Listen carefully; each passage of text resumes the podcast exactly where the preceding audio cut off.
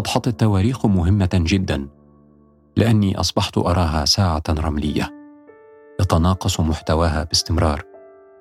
محتواها هذا ليس رملا بل هو أيام حياتي الباقية.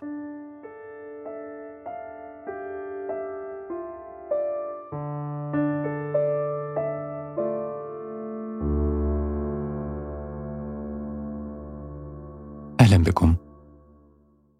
أنا أحمد خير الدين. وفي هذه الحلقة من بودكاست فصول أقرأ لكم فصولا من حياة زميل صحفي وصديق عزيز كما صاغها في مقدمة كتابه أنا قادم أيها الضوء الذي صدر عن دار الشروق بعد رحيله بأيام. محاولا إيصال بعض من الضوء الذي غمر به محمد أبو الغيط حياة من عرفوه. لعل جزءا منه ينفذ إلى من لم يكونوا محظوظين بذلك.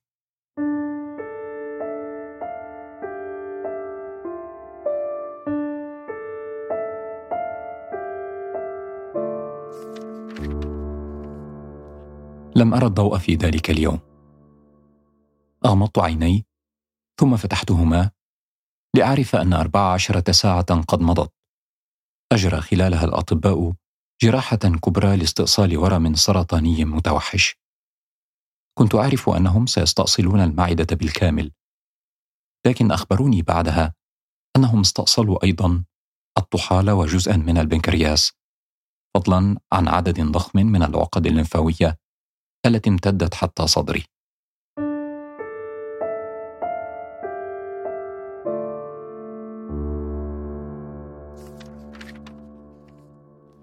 كنت قد قرأت مرارا عن تجربة الدنو من الموت.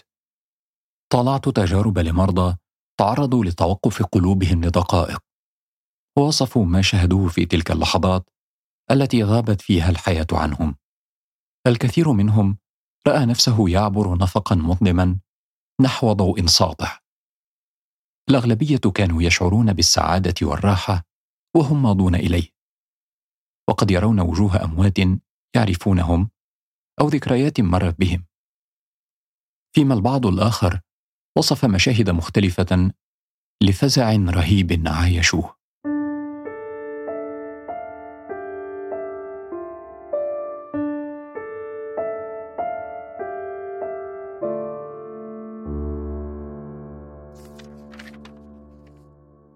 تختلف الأبحاث العلمية في تفسير ظاهرة. البعض يرجعها إلى إفراز الاندورفينات في المخ. كرد فعل على خطر حرمانه من الأكسجين. وفي فبراير 2022 أظهرت دراسة كندية حديثة أن موجات المخ لشخص يحتضر أظهرت في الثلاثين ثانية قبل وبعد الموت موجات دماغية تشبه أنماط الحلم أو استرجاع الذكريات.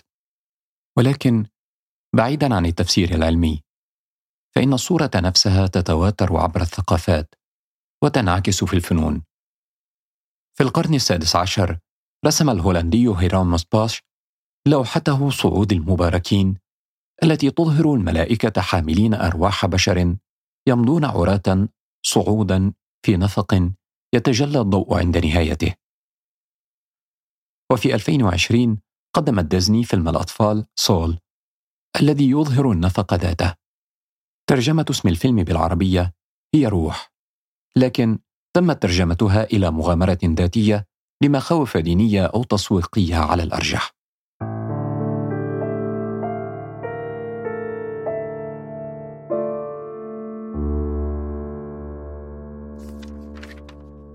كنت في تمام التأهب النفسي والوعي باحتمال ألا أصحو مجددا وقلت لعلي سأعبر النفق صوب الضوء إلى ما لا أعرف. ولن أعود لأحكي. لكن لم يحدث لحسن الحظ.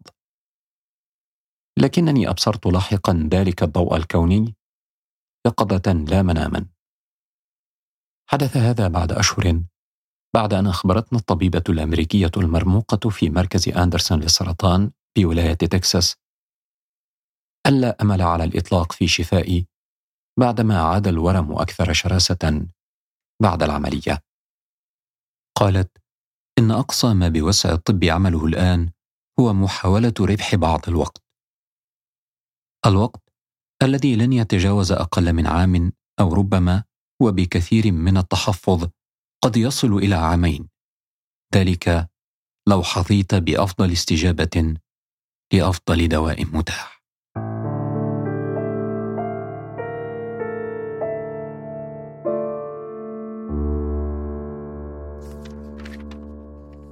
حدث ذلك في فبراير 2022 وكنت قد شخصت بالسرطان في منتصف العام السابق 2021 في تلك الليلة قبل النوم قالت لي إسراء فجأة وبكل هدوء إذا فلتفكر ماذا تريد أن تفعل في الوقت المتبقي هل هناك مدينة تود زيارتها؟ أكلة تريد تذوقها؟ كيف أساعدك لنمنح ابننا ذكريات سعيدة.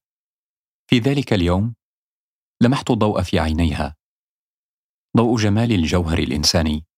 تعلمت عبر حياتي وبالتدريج البحث عن هذا الجوهر الإنساني.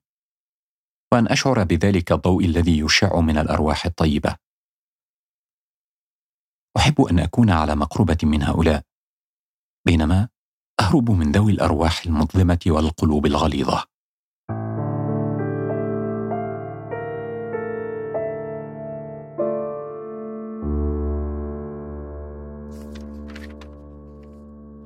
في الماضي كنت أعتقد أني في مصر أعيش بأعظم بلد في الكون وكوني مسلما متدينا يعني فوريا أني وأمثالي أفضل من كل البشر بمن فيهم باقي المسلمين. ثم عرفت أن جوهر الإنسان هو الأصل وأن ما سوى ذلك كله ليس إلا أغطية يستخدمها لنشر ما بداخله من ضوء أو ظلام. ما من علاقة بين الجوهر المضيء وبين لون الإنسان أو عرقه أو دينه أو لغته. يقول حديث نبوي إن خيار الناس في الجاهلية هم أنفسهم خيارهم في الإسلام. أي أن ذوي مكارم الأخلاق سيظلون هم أنفسهم كذلك من قبل ومن بعد. يخبرنا التاريخ أن كفار الجاهلية ظهر بينهم قبل الإسلام صعصعة بن ناجية الذي حمل لقب محيي الموؤودات لأنه أنقذ ثلاثمائة بنت من الدفن أحياء. كذلك خرج من بينهم حاتم الطائي الذي صارت قصص كرمه كالأساطير. وهناك عبد الله بن جدعان الذي اجتمع في داره مؤسسو حلف الفضول وقد تعاهدوا على نصرة المظلوم. أي مظلوم؟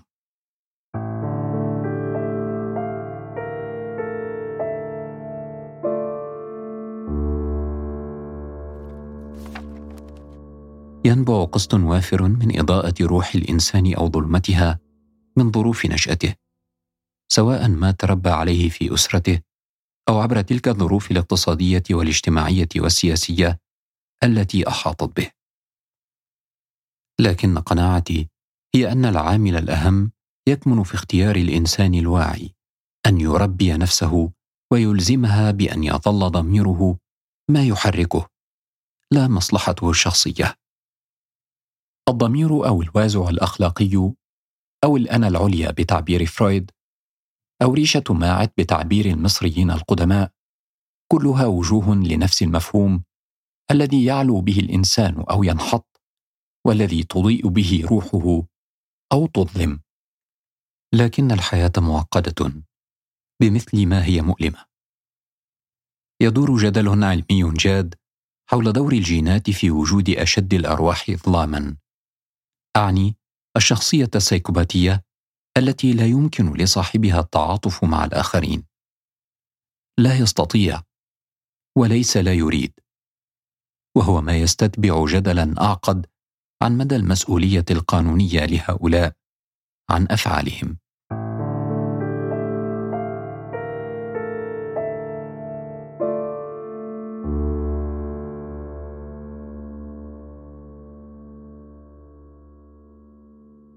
قيل لي إن مرضي جاء من الجينات بشكل رئيسي.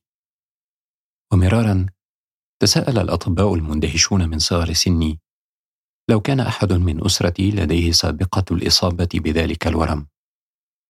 فكررت دائما جوابي بالنفي. قد تهبط الكارثة فجأة علينا وقد نحملها داخلنا منذ الميلاد دون أن نعرف.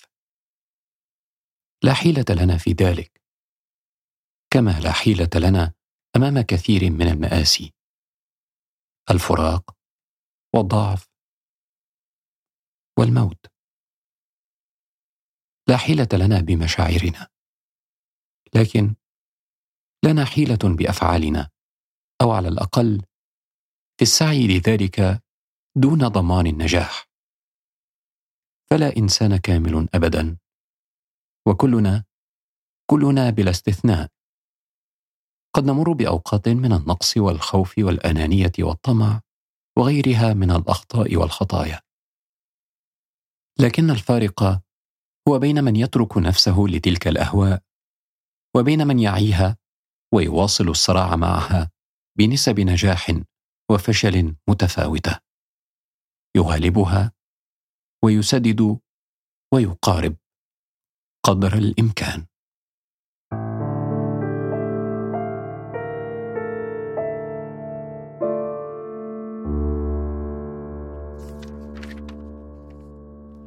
مؤخرا أجريت حوارا صحفيا مع الصحفي البريطاني إيدن وايت. وخلاله اندهشت بينما أنظر لحياتي عن بعد من مدى ثرائها. حياة قصيرة. ثلاثة وثلاثون عاما.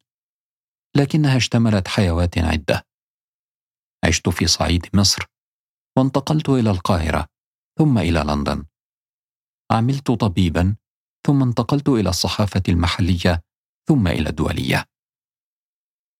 وقد صادف ذلك مرحلة تاريخية نادرة للغاية بوقوعي في قلب أحداث الربيع العربي. ذات يوم لم يكن بجيبي جنيه مصري واحد.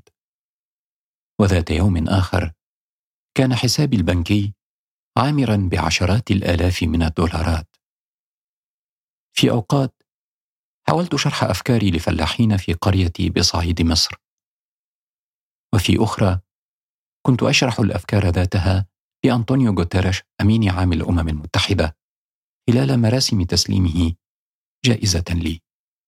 عجيبة هي الأقدار وألاعيبها.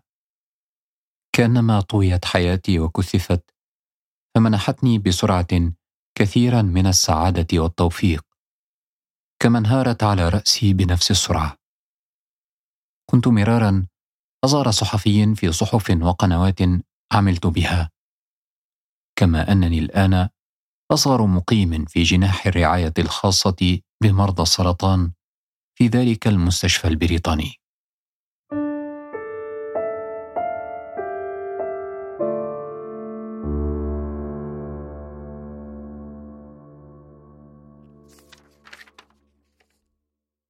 عبر ذلك المسار كله تغيرت داخليا وخارجيا حتى أني أندهش اليوم من شكلي في المرآة.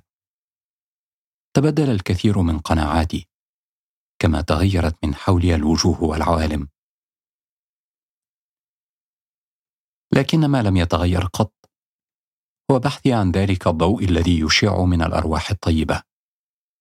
ضوء التعاطف مع الإنسان من حيث كونه انسانا قبل أي شيء آخر.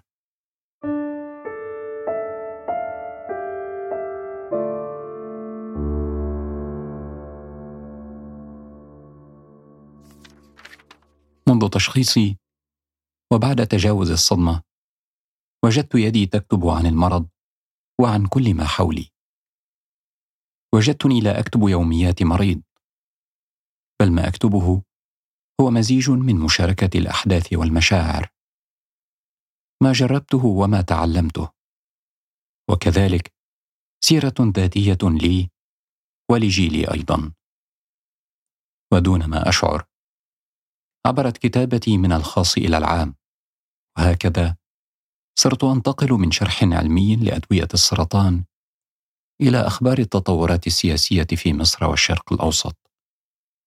ومن تفنيد بعض الخرافات المتعلقة بما يسمى الطب البديل إلى متابعة وفاة الملكة إليزابيث. أتأمل في الموت والحياة. ثم أفكر في حلول أزمة التغير المناخي.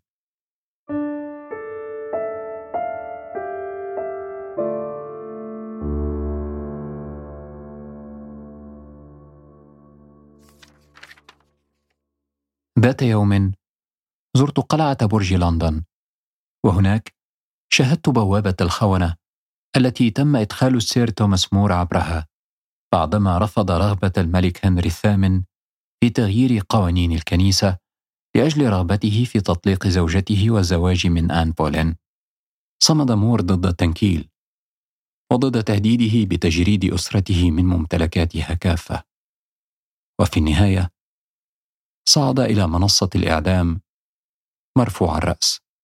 كتب مور في رسالته الأخيرة شاكرا لابنته مارغريت أن اقتحمت صف الحراس وعانقته وقبلته للمرة الأخيرة. فهو يحب ما يحدث حين تتجاوز عاطفة البنوة وعاطفة فعل الخير قواعد الحذر الدنيوي. وفي القلعة نفسها شاهدت متحفا لأدوات التعذيب. وقد أصابني الهلع لمجرد تخيل ما كان يمر به الضحايا المساكين. لكم هو مبهر المدى الذي قد يذهب إليه الإنسان في الشر أو الخير في ضوء روحه أو ظلامها. في لحظة ما وجدتني أمضي في ممر مظلم بالقلعة فيما الضوء الوحيد مصدره شعاع شمس يتسرب من بين ثقب طولي صغير بين الأحجار الصخرية. ووجدتني أتجه إليه لا اراديا. لو تحققت نجاتي بمعجزة ما فسأسعى لما بقي من عمري نحو ذلك الضوء الذي زادت خبرتي به وتقديري له في أيام مرضي. وسأمنح ما أستطيع عرفانا لكوني محظوظا بزوجة مضيئة وبأب وأم مضيئين وبالكثير من الأصدقاء الذين يطمئنني ضوءهم لحقيقة الخير في الدنيا.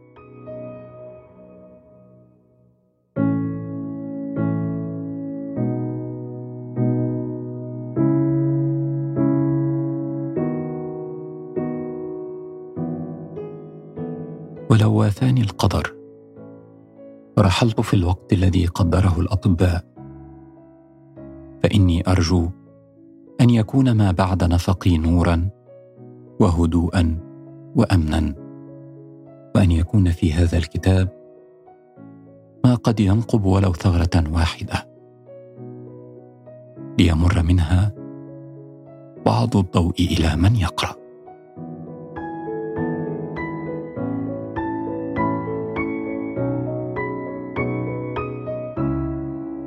بودكاست فصول. مع النروي فصول الحكاية.